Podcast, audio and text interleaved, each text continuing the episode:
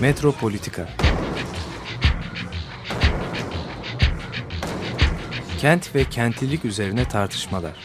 Ben oraya gittiğim zaman balık balık balık balık tutabiliyorum mesela.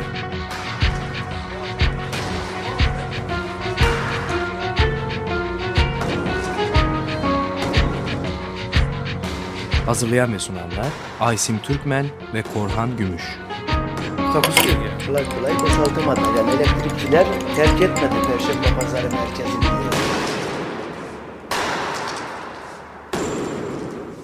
Günaydın sevgili Açık Radyo dinleyicileri. Ee, Bugün edebiyat üzerinden şehre bakacağız. Ee, Ahmet Hamdi Tanpınar üzerinden şehre bakacağız ve e, bir konuğumuz var. Ee, e, Sayın Süha Oğuz Ertem. Hoş geldiniz Süha Bey. Hoş bulduk.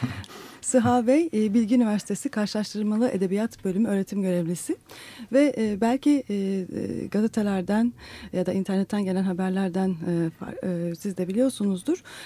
Bilgi eğitim kapsamında Bilgi Üniversitesi'deki e, bir atölye çalışması olarak e, Tanpınar'ı yeniden okumak diye 7 haftalık e, bir program var. Evet. Ve e, bu programın koordinatörü ve eğitmeni de e, Süha Bey. E, Süha Bey niye Tanpınar'ı yeniden okumak diye başlayalım isterseniz. Ee, Teşekkür ederim davetiniz için.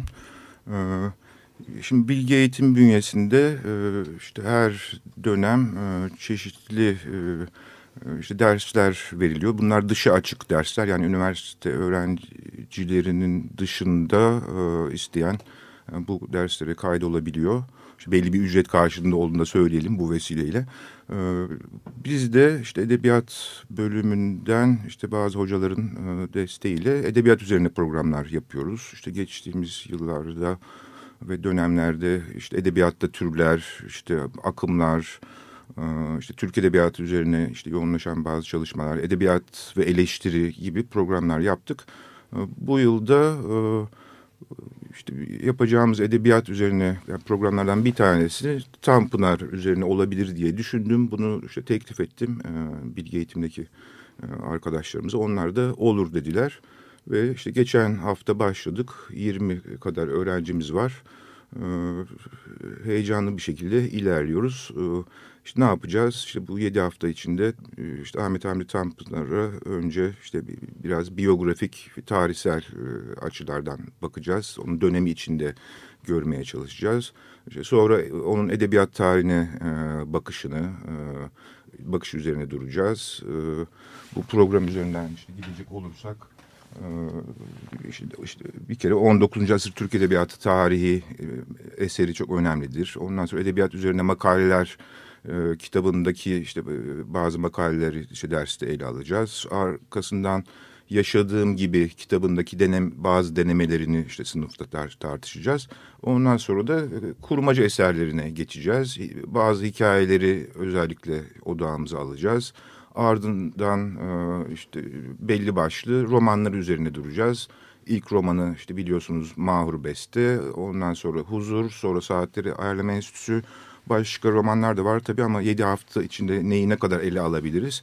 Son olarak da şiirlerine bakıp programımızı bitireceğiz. Tabii ki yedi hafta içinde yani bu kadar yani büyük önemli bir yazarı e, hakkıyla ele almak ve tartışmak zor. E, ama biz hiç olmazsa bir giriş mahiyetinde bir şeyler yapalım dedik. Öğrencilerin, e, işte katılımcıların ilgisinden de son derece memnunum. E, bunu tanıtma konusunda verdiğiniz fırsat için de size teşekkür ediyorum. ee, sanırım e, bildiğin, bilinen e, yorumların dışında, e, Ahmet Hamdi yorumlarının dışında farklı bir bakış açısı da getiriyor bu program. Yeniden okumak herhalde evet. onunla da bağlantılı. Evet ben hani bu başlığı hani biraz da tabii e, hani yeniden okunması gerekir düşünerek e, seçtim. E, ama tabii bu okulda yani bu dersler bağlamında yani ben kendi görüşümü hani dayatmak gibi bir şeyim yok. Bir düşüncem yok. Çünkü bu derslerin böyle bir seminer halinde, bir tartışma halinde yürümesini istiyorum.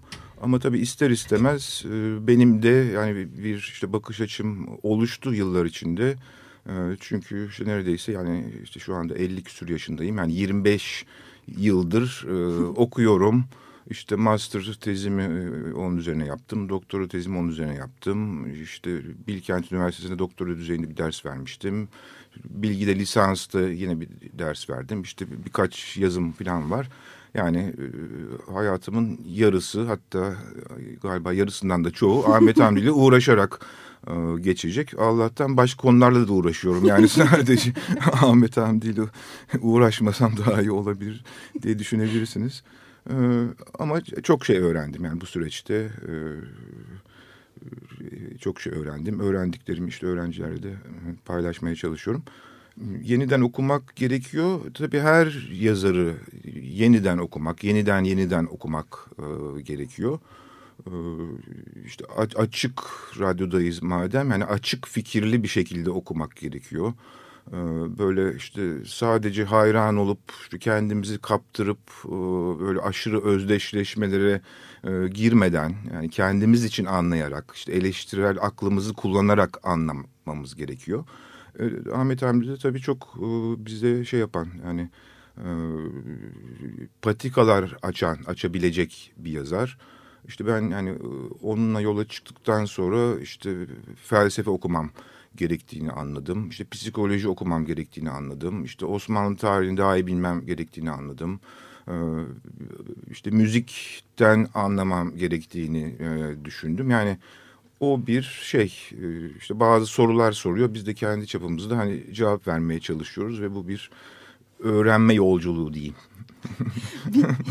bir, yandan da e, sanırım Türkiye'de yaşayan e, bizler için ve biraz okuyan, yazan, hani e, düşünen insanlar için e, Ahmet Hamdi Tanpınar'ınla özdeşleşmemek de zor. Böyle bir hani insanın evet. içine çeken, e, evet. kendimizi bulduğumuz ve evet. rahatladığımız, onun evet. sözcükleri rahatladığımız bir durum yaratıyor. Evet. O yüzden de o mesafeyi kurmak çok, e, çok zor değil mi? Çok evet. zor. Evet. Çok haklısınız.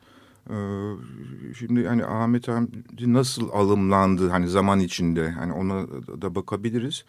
Ee, özellikle yani 80'li yıllardan itibaren hani bir Ahmet Hamdi e, ilgisi merakı başladı.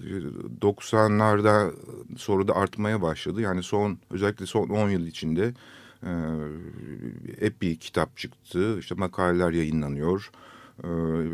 Birden fazla sempozum yapıldı ve burada birkaç e, değerli hocamızın adını da anmak isterim. Yani bu süreçte e, e, önemli değerli katkıları olmuş.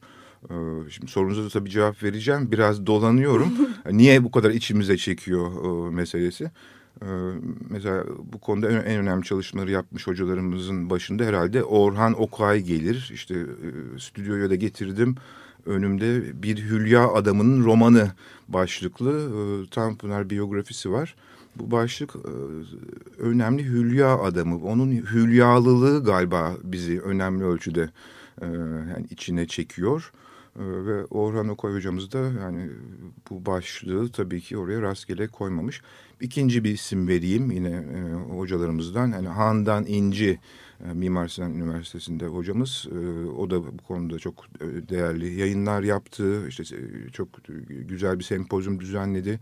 Yani bu iki isim başta olmak üzere yani son işte 20 yıldır daha da yoğunlaşarak son 10 yıldır baya bir Ahmet Hamdi ilgisi, merakı var.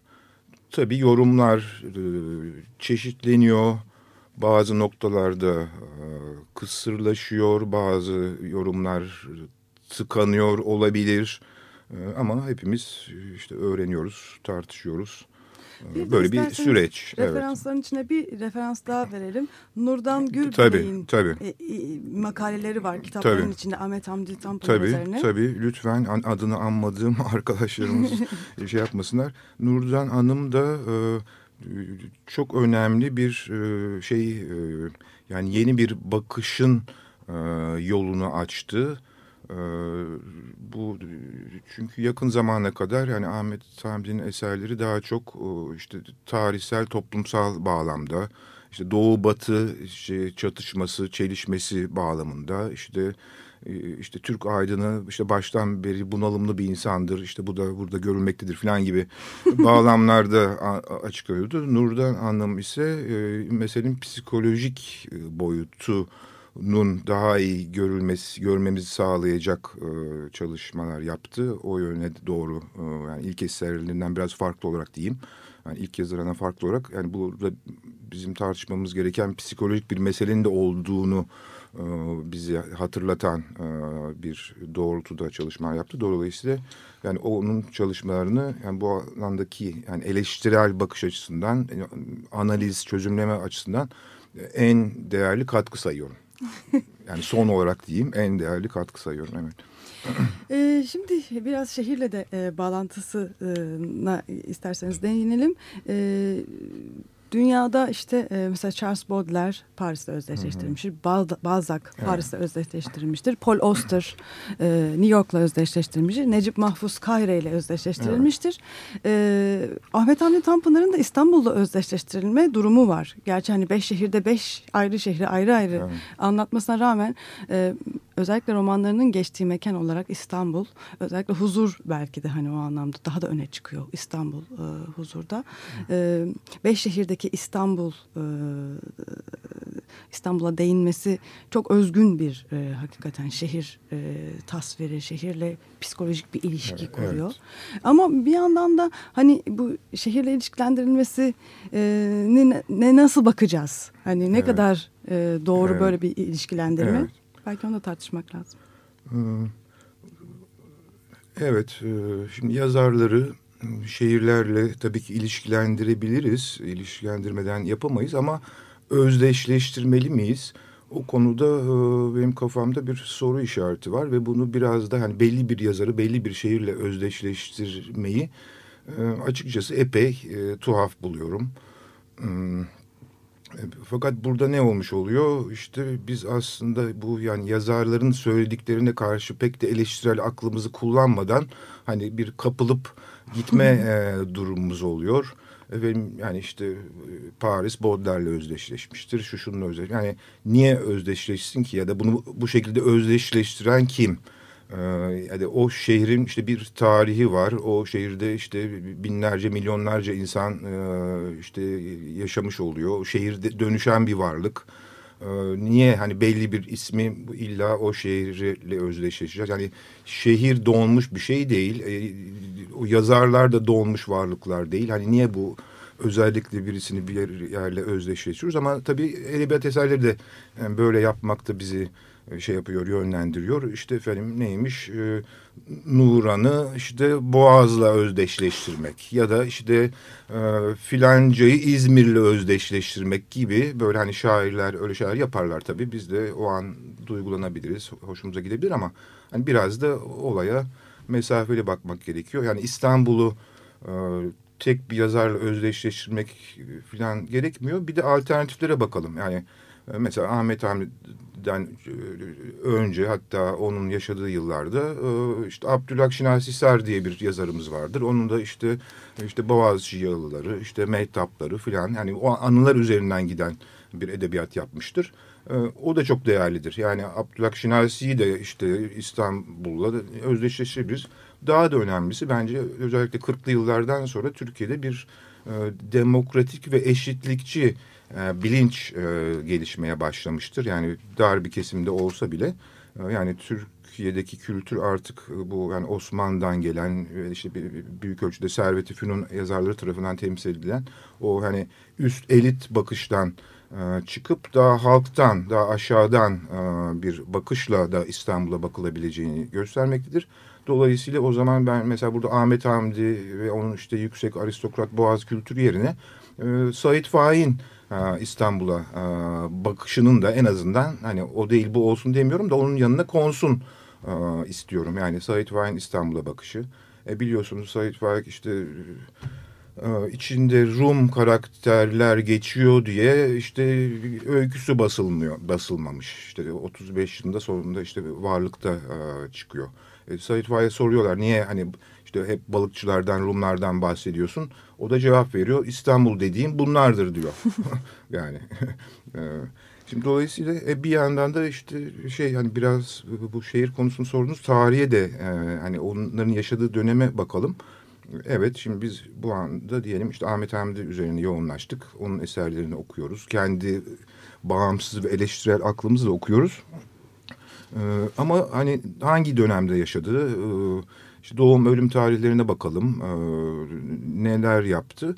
E, 1901'de e, doğmuş, 1962'de vefat etmiş. Şimdi tam da bu yıllarda yaşayan hayatı e, birebir yani şey yapan, e, ömrü örtüşen diyelim.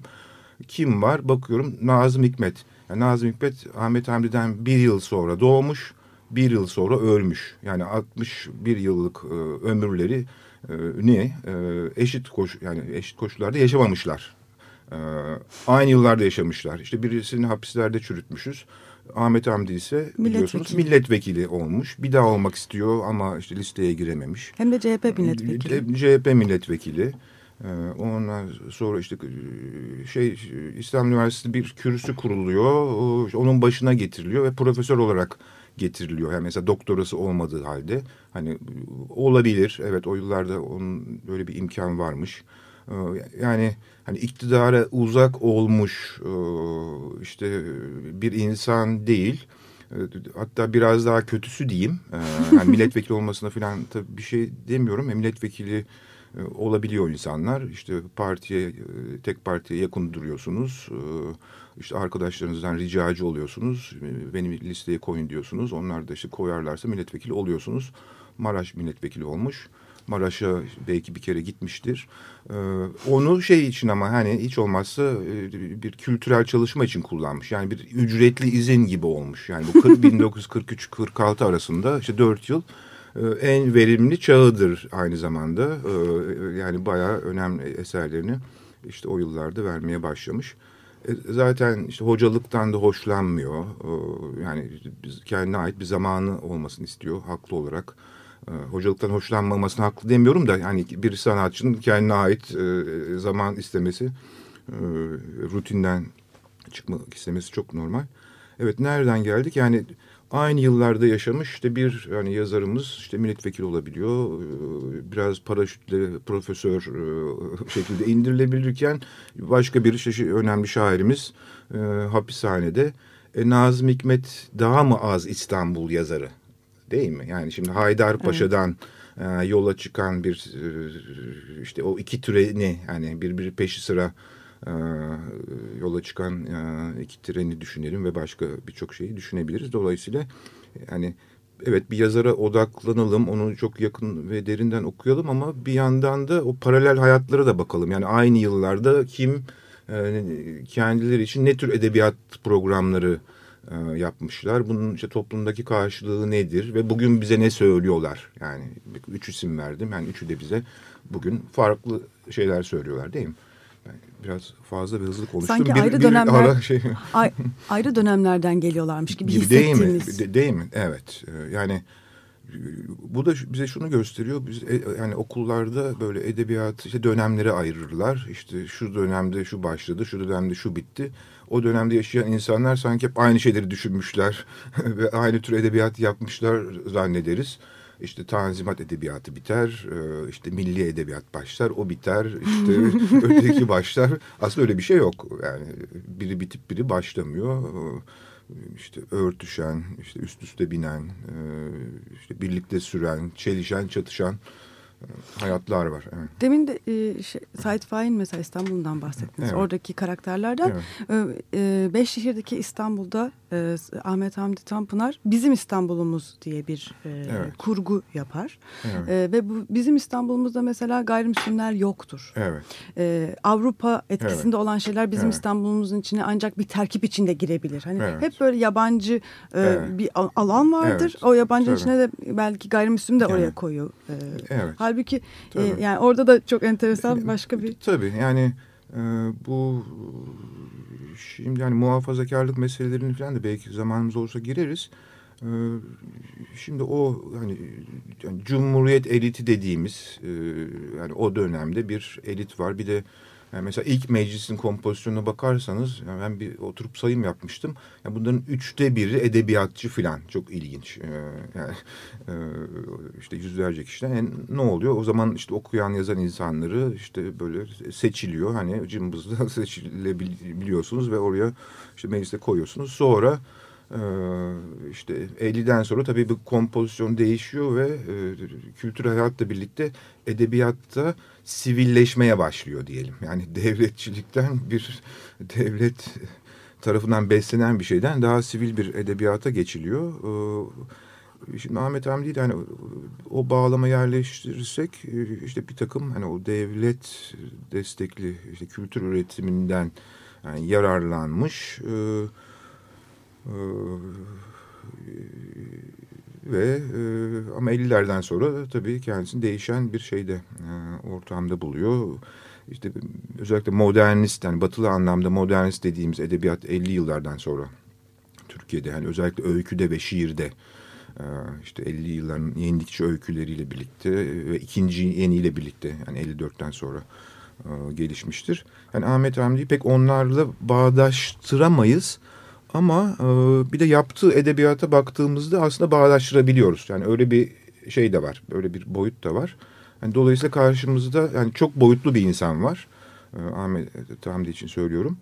E, fakat biz çok boyutlu bu insanı e, acaba yeterince çok boyutlu bir şekilde değerlendirebiliyor muyuz e, gibi bir e, konumuz var. Yani meseleye işte siyasi açıdan, işte tarihsel açıdan, e, işte psikolojik açıdan, edebiyat programı açısından yani farklı farklı açılardan bakabiliriz ve her baktığımızda karşımıza çıkanın böyle bize çok bütünlüklü bir resim e, sunması da gerekmiyor.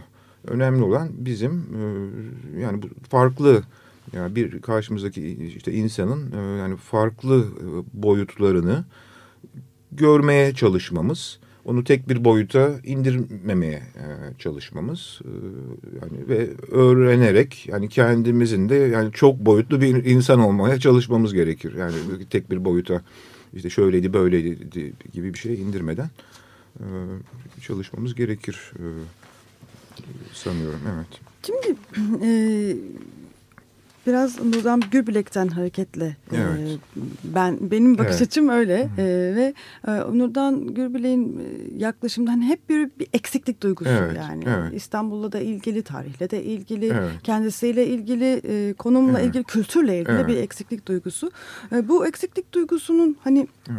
e, bir hani modern kişi, modern evet. edebiyatçı, modern düşünen, modern yaşayan bir insan olarak modernin psikolojisiyle bir e, evet. alakası var. Çünkü e, hani bir şekilde e, hani Paris'te de hani Baudelaire'in düşündüğümüz Hı. zaman o dönemde şehir yıkılıyor. işte baştan yaratılıyor Osmanlı Hı. tarafından ve bu şehrin yıkılmasının Hı. getirdiği bir şeylerin var olan şeylerin yok edilmesinin getirdiği. Evet. Bir de e, geniş bir alanda yani e, ve yıllar süren yıkımların olmasından dolayı getir evet. e, hissedilen bir kayıp, evet. kaybedilen, elden evet. kaçan bir şeyler evet. hissedilmesi var.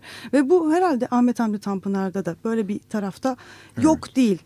Ee, sonra hani modernde var olan bir yeninin peşinden evet. koşma. Yani işte e, bir şey gelecek. Hani şimdi yıkılıyor ama yepyeni bir şey gelecek. Bu, bu ümidin peşinden evet. koşan koşarken evet. e, var olanla, evet. o anda olanla yetinememek. Evet. Onda hep gene bir eksiklik duygusu. Evet. Bu eksiklik duygusunda hani bir yandan yeniden peşinden koşarken bir yandan da geçmişte aramak, evet. mazide aramak. Evet. Yani orada vardı evet. ama şimdi yok. Evet. Ve ve belki ileride evet. olacak. Hani böyle bayağı motive de eden evet. bir şey var. Evet. Ee, böyle bir e, eksiklik duygusu ama hani bu modernin e, hani bütün dünyada yaşanılan bir his olarak e, hmm.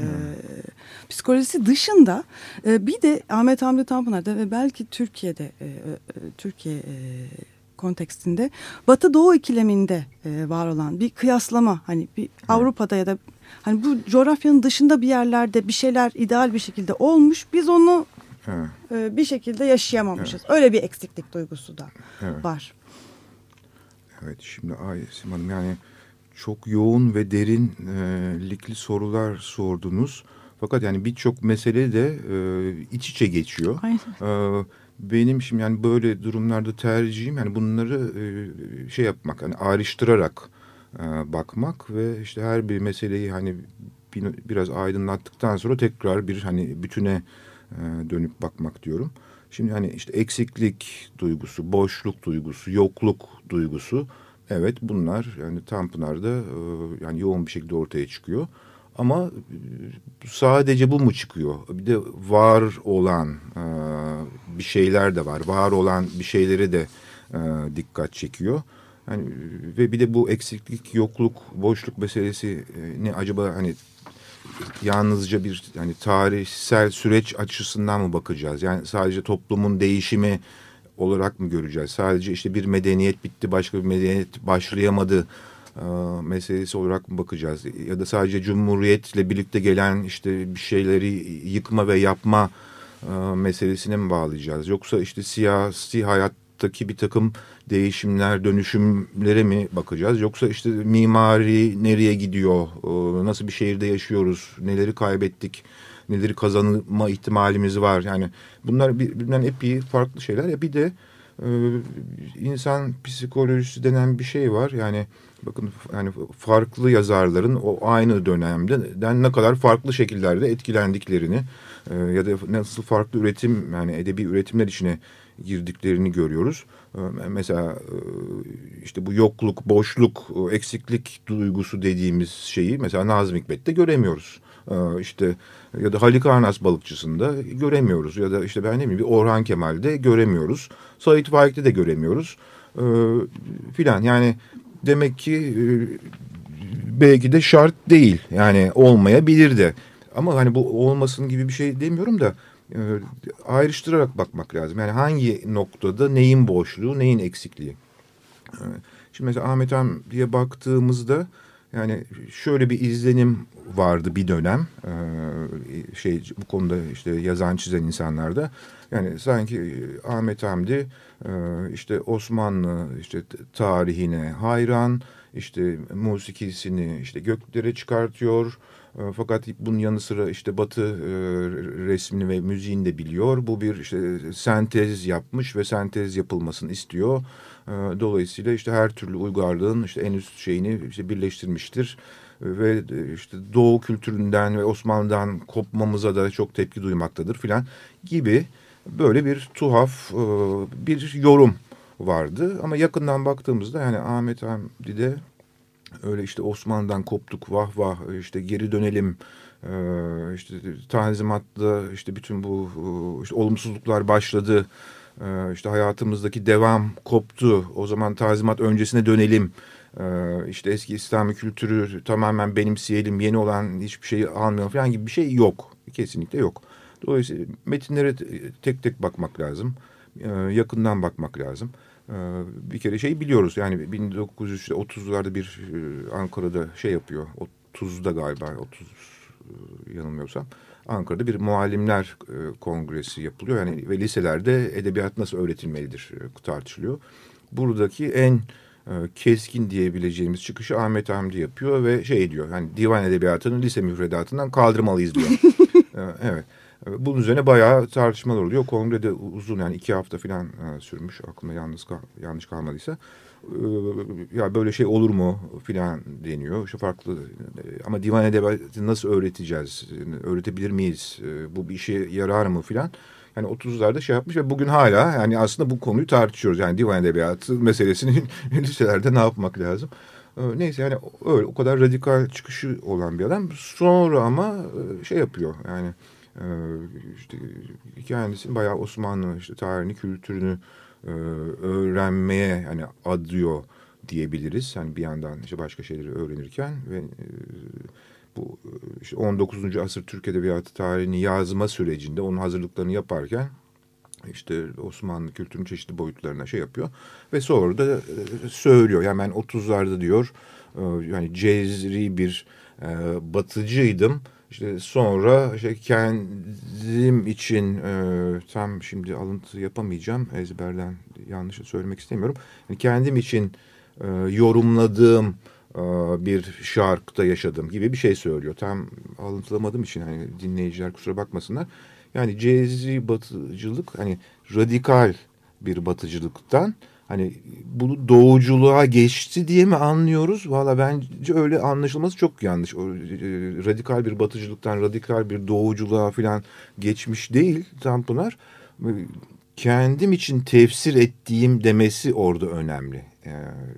Yani e, ben halkımıza e, şeyi öneriyorum demiyor. Hadi Batı'yı falan bırakın herkes Osmanlı işte ezberlesin gibi bir şey demiyor. Bu konuda e, kendim için yorumladığım meselesi önemli. E, nitekim işte birçok yazısında görürüz. Yani seçerek almak, gelenekten yararlanmak diye bir şey varsa e, ya da geleneği korumak, ondan beslenmek gibi bir şey varsa burada tabii seçici olmak gibi bir e, meselemiz vardır. E, işte yanımda birkaç şey de getirdim. Yani fırsat varsa mesela bir alıntı da yapabilirim. Mesela bu eski şairleri okumak e, diye bir yazısı vardır. Evet pardon eski şairleri okurken diye bir yazısı vardı. 41'de yazmış. Mesela e, alıntılıyorum. E, şöyle diyor. Eski şiiri seviyorum fakat eskiyi sevenlerin çoğu ile anlaşamıyorum. Mesela bu çok önemli. Yani 40'larda hani eski şiiri sevmek ne demek? Ee, neden eski şiiri sevenlerin çoğu ile anlaşamıyor? Devam ediyorum alıntıya. Ve bizzat bu anlaşamamazlık bu şiirden uzak kaldığım zamanı boş geçirmediğimi bana ispat ediyor. Yani yani iyi ki bir dönem için ondan koptum. Ee, şimdi yeni bir bakışla hani dönüyorum gibi bir şey söylüyor. Alıntıya devam ediyorum. Benim ve arkadaşlarımın parantez içinde Nurullah Ataç, virgül Sabahattin Rahmi gibi parantez kapıyoruz. Bu sevgisiyle onlarınki arasında büyük bir fark var. Yani yine şimdi Suha yoruma geçiyor. Yani şimdi Nurullah Ataç, Sabahattin Rami işte yani CHP'nin e, işte kültür hani politikalarında yani etkili olan isimler. Yani kendilerini kendini onların safına koyuyor. E, eskiden e, eskiyi kendisinde devam halinde bulanlara yani o eski dediği şeyin atmosferinden hiç kopmamış hala onun sürdüğünü varsayan ve yeni hiçbir şey olmamış gibi düşünen insanların tarafına koymuyor kendisini. Orada yani, mesafe, mesafe tabii, çok alıyor. Büyük bir fark var. Ne diyor? Onlar diyor yani ötekiler yani bizim gibi işte Nurullah Ataş ve Sabahattin Rami gibi olmayanlar onlar eskiyi devam halinde kendilerinde bulup seviyorlar. Devam ediyorum. Beraberce mahpus oldukları bir daire içinde onu tanıyorlar ve yalnız onu bildikleri için onu sevseler bile bu sevgiyi ye doğru bir intihabın zevk ve şurunu koyamıyorlar. Yani 40'larda Ahmet Hamdi diyor ki yani e, şimdi tabii aşırı yorum yapıyorum bilmiyorum ama yani yani eskiden gelen kültürün hani neden değiştiğini, neden değişmesi gerektiğini bir türlü anlayamayan e, sanki işte divan edebiyatı e, 19. yüzyılın başında değişmeye başlamamış gibi ee, işte Tanzim Edebiyatı olmaması gerekirmiş gibi işte hala diyelim işte aruz kalıplarıyla işte bir takım ezberlerle şimdi burada bir de şey meselesi de var yani sözlü kültürden yazılı kültüre geçiş diye bir e, meselemiz var. E, bugün hala yazılı kültüre matbaa kültürüne ne kadar geçtiğimiz yani şüpheli. E, o dönemde e, yani ezber ee, yani gelenekten gelen ezber, işte okullarda ezber, işte şair olacaksan diyelim önce ezberlemen lazım senden önceki işte e, şairleri. İşte divan şairlerin işte her biri işte 60 bin mısra ezberlemesi gerekiyordu. Sanki bugün de 60 bin mısra ezberlemeden işte yazar şair olunmaz gibi bir atmosferden e, çıkıp yazılı kültüre, matbaa kültürüne işte geçiliyor, geçilmesi lazım. Onunla birlikte yeni türler geliyor. Ee, bir de hani şiir biraz artık şey oluyor. Yani sözlü kültürden beslenen şiir yerini başka bir şiire bırakıyor. Bu arada roman dediğimiz işte modern tür e, ortaya çıkıyor. Fakat yani bir takım insanlar bunlar hiç olmuyormuş gibi, olmaması gerekiyormuş falan gibi e, kendilerini e, işte madem bizim 600 yıllık bir şeyimiz var, işte şaşalı bir uygarlığımız var bu sürsün, bitmesin, yeni de hiçbir şey olmasın diyorlar. Hala diyenler olabilir. Ee, işte burada şey çıkıyor yani Ahmet Hamdi'nin hani meseleye nasıl baktığı çıkıyor. Ee, müsaadenizle o aynı makalenin sondan bir önceki paragrafında da bir alıntı yapayım. Şöyle diyor Ahmet Hamdi. Eski şiiri bugün seçerek okuyoruz. Bu da tabiidir. Bir ananenin en güzel eserleri onu yaratan zihniyetin dışında sevilenlerdir. Bakın yani demek ki yani 60 bin mısrayı ezberlemekle e, yani onun hani zevkine işte estetiğine e, varmış ve onu anlamış ve bilmiş olmuyoruz gibi bir anlama geliyor. Alıntıya devam ediyorum. Biz bugün o zihniyetten uzağız. İşte bu uzaklıktır ki eski şiiri daha iyi görmemiz imkanını bize veriyor. Bunun içindir ki bir Nurullah Ataç, bir Sabahattin Rami bu şiirin girinti ve çıkıntılarını hiçbir zaman layıkıyla vakıf olmadıkları halde onun havasında hiç değişmeden yaşayanlardan daha çok mükemmel surette onu tanıyorlar. Yani demek ki bir şeyi bilmek için, anlamak için onun dışında da bir şeyler bilmek gerekiyor. Yani sadece onu bilmek, sadece onu hissetmek değil. Ee, evet bunlar da benim hoca olarak şeylerimden tutamadım, yorum yaptım. Ee, bütün bunların içinde e, ben e, tabii çok edebiyatın içinden değil daha çok bir e, belki benim sosyolojiyle bağlantılı bakış açımdan dolayı e, hani e, böyle hani kendi kavramı evet. benim ilgimi çekiyor. Ondaki kendi kavramı, kendi evet. kültürümüz. Böyle bir evet. Aşırı bir e, buna yönelik bir e, vurgusu. Evet. E, yani bir yandan hani sizin dediğiniz evet. gibi böyle bambaşka boyutları da var. Bu evet. herhalde bu evet. bu kendiyle ilgili de çok sorgulayan bir tarafı var evet. ama e, Bugün e, aslında bir de bu, de, peki kesmeyeyim. E, Türkiye'de şu anda da e, belki de çok gündeme gelen bu kendimiz olmak, evet. kendimizi kaybetmek, evet. kaybedilmiş olan bir şeyleri tekrardan ortaya çıkarmak durumunda da enteresan bir vurgusu var evet. Ahmet Hamdi Tanpınar'ın.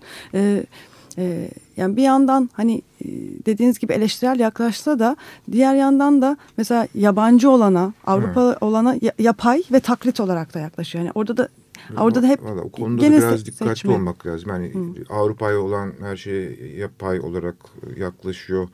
Her şey demek, de, demek evet, doğru evet. değil ama böyle bir özellikle ben hani beş şehirden e, e, hareketle e, orada öyle bir izlenim bırakıyor en azından o, o makalesinde. E, bu arada yani bir Bakın Beyşehir'de yanımda getirdim. Mesela Beyşehir'deki İstanbul kısmını evet. mesela en yani İstanbul faslını nasıl bitiriyor? Ee, Bit, işte zaten evet, evet, işin en güzel evet. tarafı da o bitiriş kısmı. Evet. Şimdi şöyle e, yeni alıntılayayım. En iyisi bırakalım hatıralar içimizde konuşacakları saati kendiliklerinden seçsinler. Ancak bu cins uyanış anlarında geçmiş zamanın sesi bir keşif, bir ders, hülasa günümüze eklenen bir şey olur. Ee, bizim yapacağımız yeni, müstahsil ve canlı bugünün rüzgarına kendimizi teslim etmektir. O bizi güzelle iyinin, şuurla hülyanın el ele vereceği çalışkan ve mesut bir dünyaya götürecektir.'' Bakın bu işte e, şey işte e, hayalci, işte sürekli geçmişi özleyen e, filan bir Tanpınar'ın karşısında ne, şu cümle çok önemli. Bizim yapacağımız yeni müstahsil üretken evet. değil mi? Ama bu şey var da... yani yeni üretim e, şunu çok açık söylüyor işte edebiyat üzerine makalelerde var. Yani bu topluma 40'lı 50 yıllardan bahsediyoruz. Yani yeni üretim şekillerinin girmesi lazım. Bunu yani toplum sosyolojisini e, bilen ve dışarıdan bakabilen bir adam. Dışarıdan da nasıl bakıyor? Çünkü Fransa'dan besleniyor, Fransızcadan besleniyor. E, bu topluma dışarıdan bakamadığımız zaman yani kendimizi onun e, içinde kaybediyoruz ve böyle işte bir takım hayaller işte şunlar peşine koşuyor ama topluma dışarıdan bakabiliyorsak bunu sosyolojisinde görebiliyoruz, ekonomisinde görüyoruz. Yani yani 40'lı 50 yıllarda Türkiye'nin ekonomisi modern falan değildi ne kadar kapitalisti yani işçi sınıfı falan yoktu. Ee, işte burjuvazi diye bir şey pek ortaya çıkmamıştı.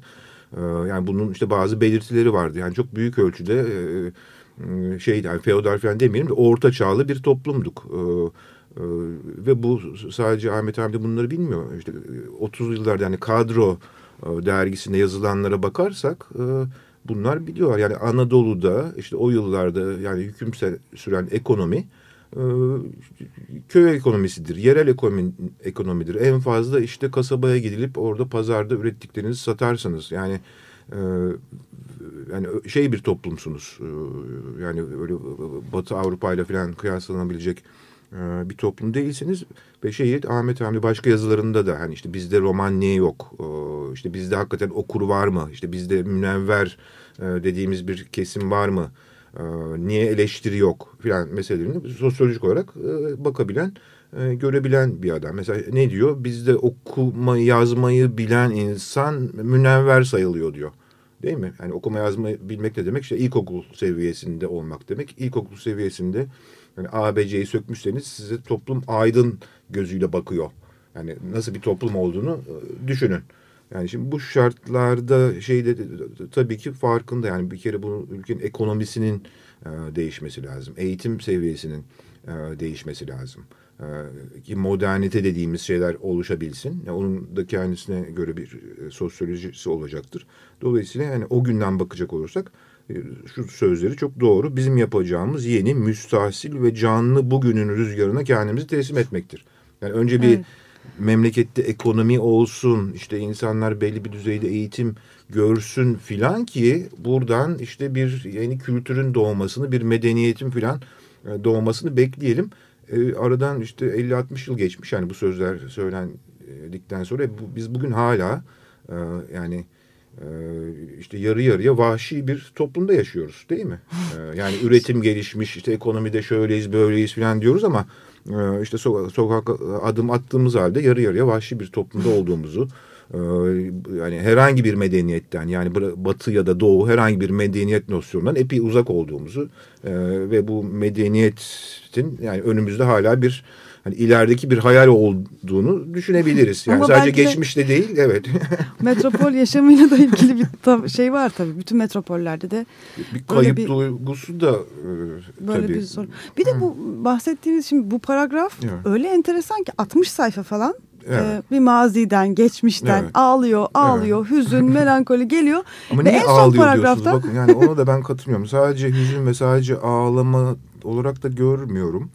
Ee, yani, yani kendi e... özel bakış açısı var. Ve niye hani bir kişi kendi özel bakış açısını ortaya koyduğunda bu hepimiz adına konuşuyor e, diye hani düşünebilir. Mesela işte Nazım Hikmet'e verseniz yani İstanbul tarihini anlat diye böyle anlatmayacak değil mi? Yani işte başka bir yazar öyle değil. Ee, yani biraz da Ahmet Hamid'in bakışı diye şey Zaten yapalım. Zaten tam evet. da onu söyleyecektim. Yani o yani bir böyle bir hüzün e, var. Böyle bir kendi psikolojisi var. Evet. E, bunu tabii çok e, bazen hani hülyalara kaptırıp çok o rüyaların evet. içinde pozitif de anlatsa da o hüzünü hissediyoruz. Hissediyorum. Evet. Ama tam da böyle e, sonunda da şaşırtan bir şekilde bu paragrafı evet. söylüyor. Dolayısıyla aslında evet. tam da sizin bahsettiğiniz o çok boyutluluk evet. zaten tabii. çok etkileyici tabii. bir şekilde önümüze çıkıyor.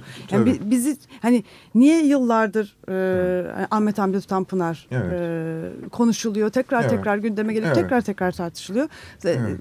Yani hiçbirimiz tam olarak da o anlamda hani e, bir e, kefeye koyamadığımız için evet. o, o da güzel bir noktası. Tabii bence çok güzel bir nokta. E, yani bir e, yani kültür insanı yapabileceği en iyi iş herhalde kendisinden sonra insanları tartıştırabilmek değil mi?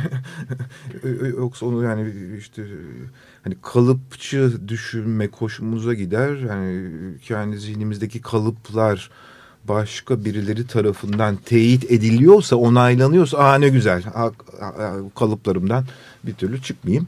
E, fakat biraz sarsılıyorsa biraz ya bir dakika bu, bu kalıbımda bir mesele var. bu, yeni bir kalıp arayayım. Yani diyorsak tabii iyi oluyor. E, bu Ahmet Hamdi'nin bir e, başarısı bence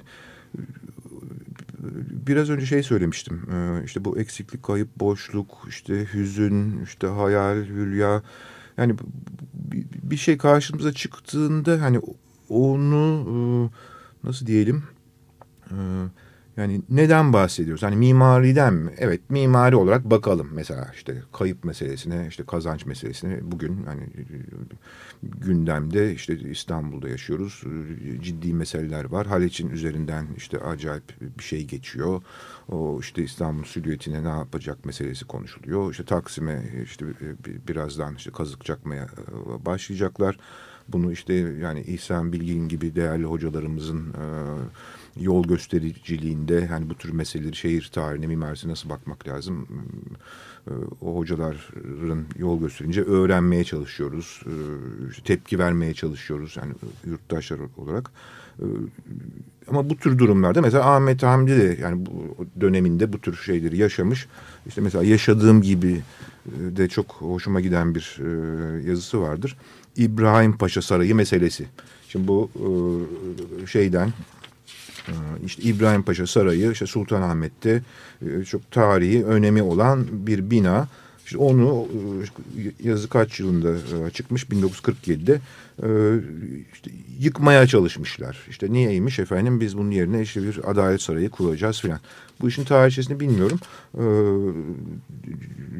Ama yani Ahmet Hamdi de buna direniyor. Yani niye kardeşim yani İbrahim Paşa Sarayı'nı yıkıyorsunuz? Bunun bu kadar önemli bir geçmişi var. Ee, yani bunu yıkıp da ne kazanacaksınız? Yani İstanbul'da yeni bina yapacak e, yer mi yok? Ee, bir adalet işte sarayı yapılacaksa e, bu işte başka birçok şey düşünülerek yapılır. Yani şehirdeki işte bir takım hani, hani hatıralarını e, niye ortadan kaldırıyorsunuz? Bir de mimari bir de nedir? Yani işte tarihten hani yaşayan bir şeydir ve bu eğitim ve kültürün bir e, parçasıdır ve e, bir, biz bir kültür gelecek nesillere aktaracaksak işte çocuklarımızı e, götürüp göstereceğiz. İşte bu bina şudur, şu tarihte yapılmıştır. Şöyle bir tarih yansıyor. Yani nedir bu yıkma meselesi? Şimdi burada peki nedir? Evet bugün çok benzer bir şey yaşıyoruz.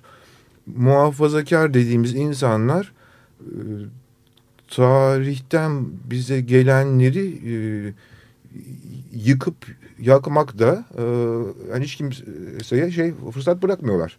E, şimdi burada muhafazakarlıktan kasıt nedir? Evet yani geçmişten gelen kültürel değerleri korumak, e, işte saklamak, e, bunu bir eğitim fırsatı olarak işte e, kullanmak e, ve burada bunlar korudukça e, bir kültür tarihsel derinlik kazanır. Ee, ama işte yakıp yıktıkça işte üzerinden bulvarlar geçirdikçe o tarihsel e, derinlik kaybolur. Dolayısıyla kültürün e, derinliği de kaybolur. Ama bir yandan da çok boyutluluğu da kaybolur. Yani tabii, aslında tabii. yani tarihi tabii. E, deştikçe tabii. herhangi bir e, tarihi tabii. olaya baktığınız tabii. zaman, tarihi e, kalıntıya baktığınız zaman tabii. orada bir sürü renk vardır. Aslında tabii. o renkler muhafazakarlığa da çok iyi gelmiyor. Da tabii belki. burada bakın yani muhafazakarlık sözcüğünün e, ne kadar farklı anlamlar içerdiğini, içerebileceğini e, görüyoruz.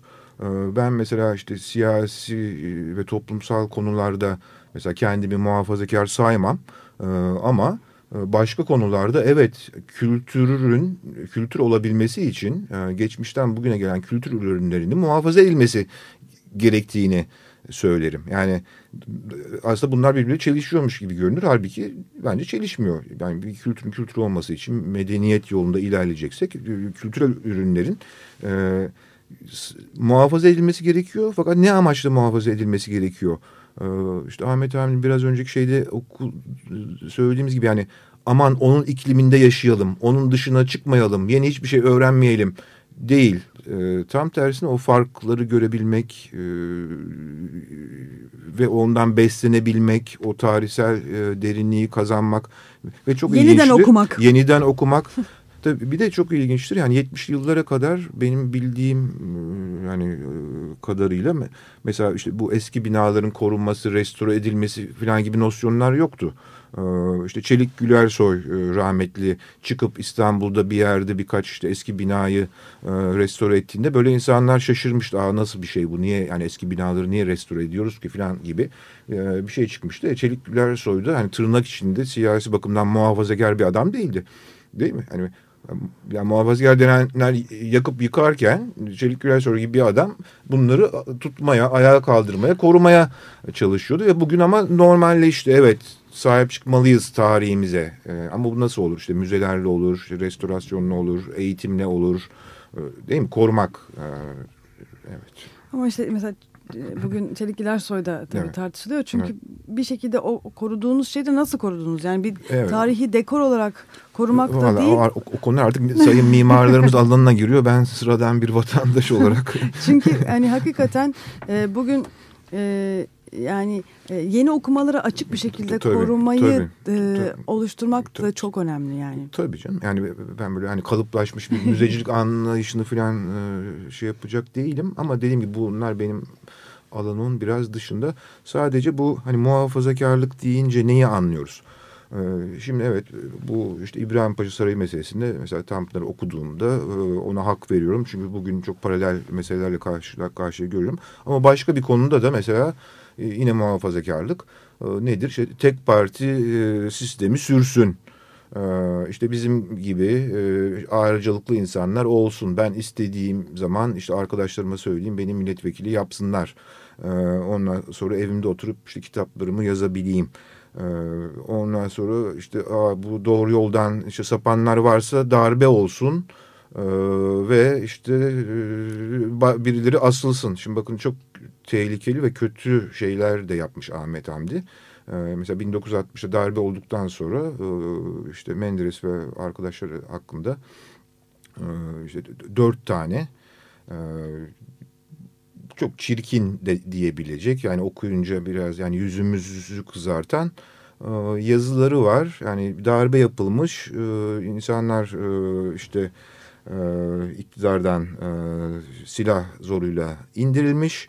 E, ve Ahmet Hamdi de hani bunlara birisi vurdu ben de vurayım. Hatta vurmakla kalmayayım işte ayaklarımın altında çiğneyim falan gibi çok e, çirkin e, şeyler yapmış. E, utandırıcı şeyler. Ama nedir? Tabii bu insan e, bir kere demokrat değil. E, yani hani biz aydınlardan bugün en azından demokrat olmalarını bekliyoruz. E, demokrat değil. E, gözünü açmış e, işte tek parti rejimleri, işte dik- diktatörlükler, işte işte böyle bir toplum, böyle bir toplumu ancak işte tek adam, işte bir aydın despot e, inşallah bulabilirsek despotun aydınını hani aydın despot e, yönetsin filan. Dolayısıyla bu e, işte halk oy veriyormuş filan buna yani hangi halk kime oy verecek? Hani bugün bile hani demokrasinin zararlarından bahsedenler vardır ya hala hani işte darbe meraklıları var. E, henüz e, sona ermedi. E, O da kendisini o koşullarda bulmuş bir adam. E, Bir de galiba kurucu meclise mi girmek istiyormuş darbe olduktan sonra. E, Böyle bir çok çirkin yazılar da yazıyor. E bu da bir muhafazakarlık. Bu da nedir? Şey işte iktidara tutunayım, iktidar yanlısı olayım e, ve o zemin ayağımın altından kaymasın. E, Bunun karşısında bakıyoruz e, çok daha demokrat e, işte yazarlarımız, şairlerimiz falan da varmış. Yani mesela bir Nurullah Ataç e, 40 kat daha demokrat. E, mesela ne diyor Nurullah Ataç? Ya şu e, şimdi CHP'ye işte üye oluyor, işte emekli olduktan sonra e, ya şu bizimkiler seçimi kazansa da ben CHP'den ayrılsam diyor.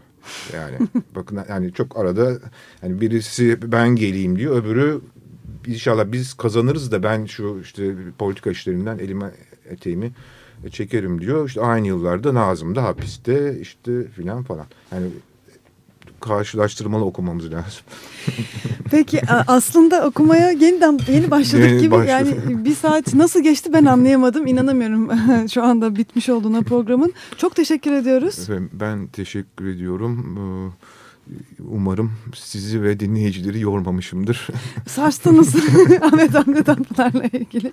Çok teşekkürler. Ben teşekkür ederim. Ee, bu haftalık bu kadar diyoruz. Yalnız kapatmadan önce pazar günü e, Taksim Meydanı'nda olan e, toplanmayı ben e, tekrardan e, anons etmek istiyorum. E, saat 2'de e, Taksim Meydanı'nda e, bu sefer Taksim için Taksim'e çıkıyoruz. E, bekliyoruz efendim. İyi haftalar.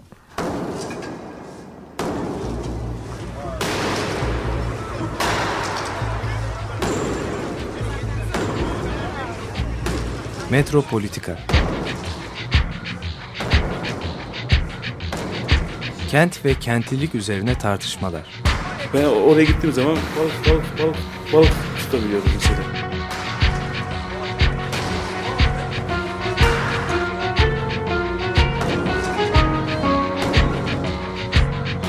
Hazırlayan ve sunanlar Aysim Türkmen ve Korhan Gümüş.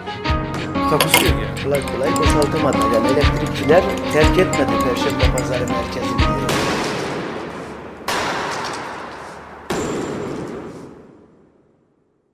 Açık Radyo program destekçisi olun. Bir veya daha fazla programa destek olmak için 212 alan koduyla 343 41 41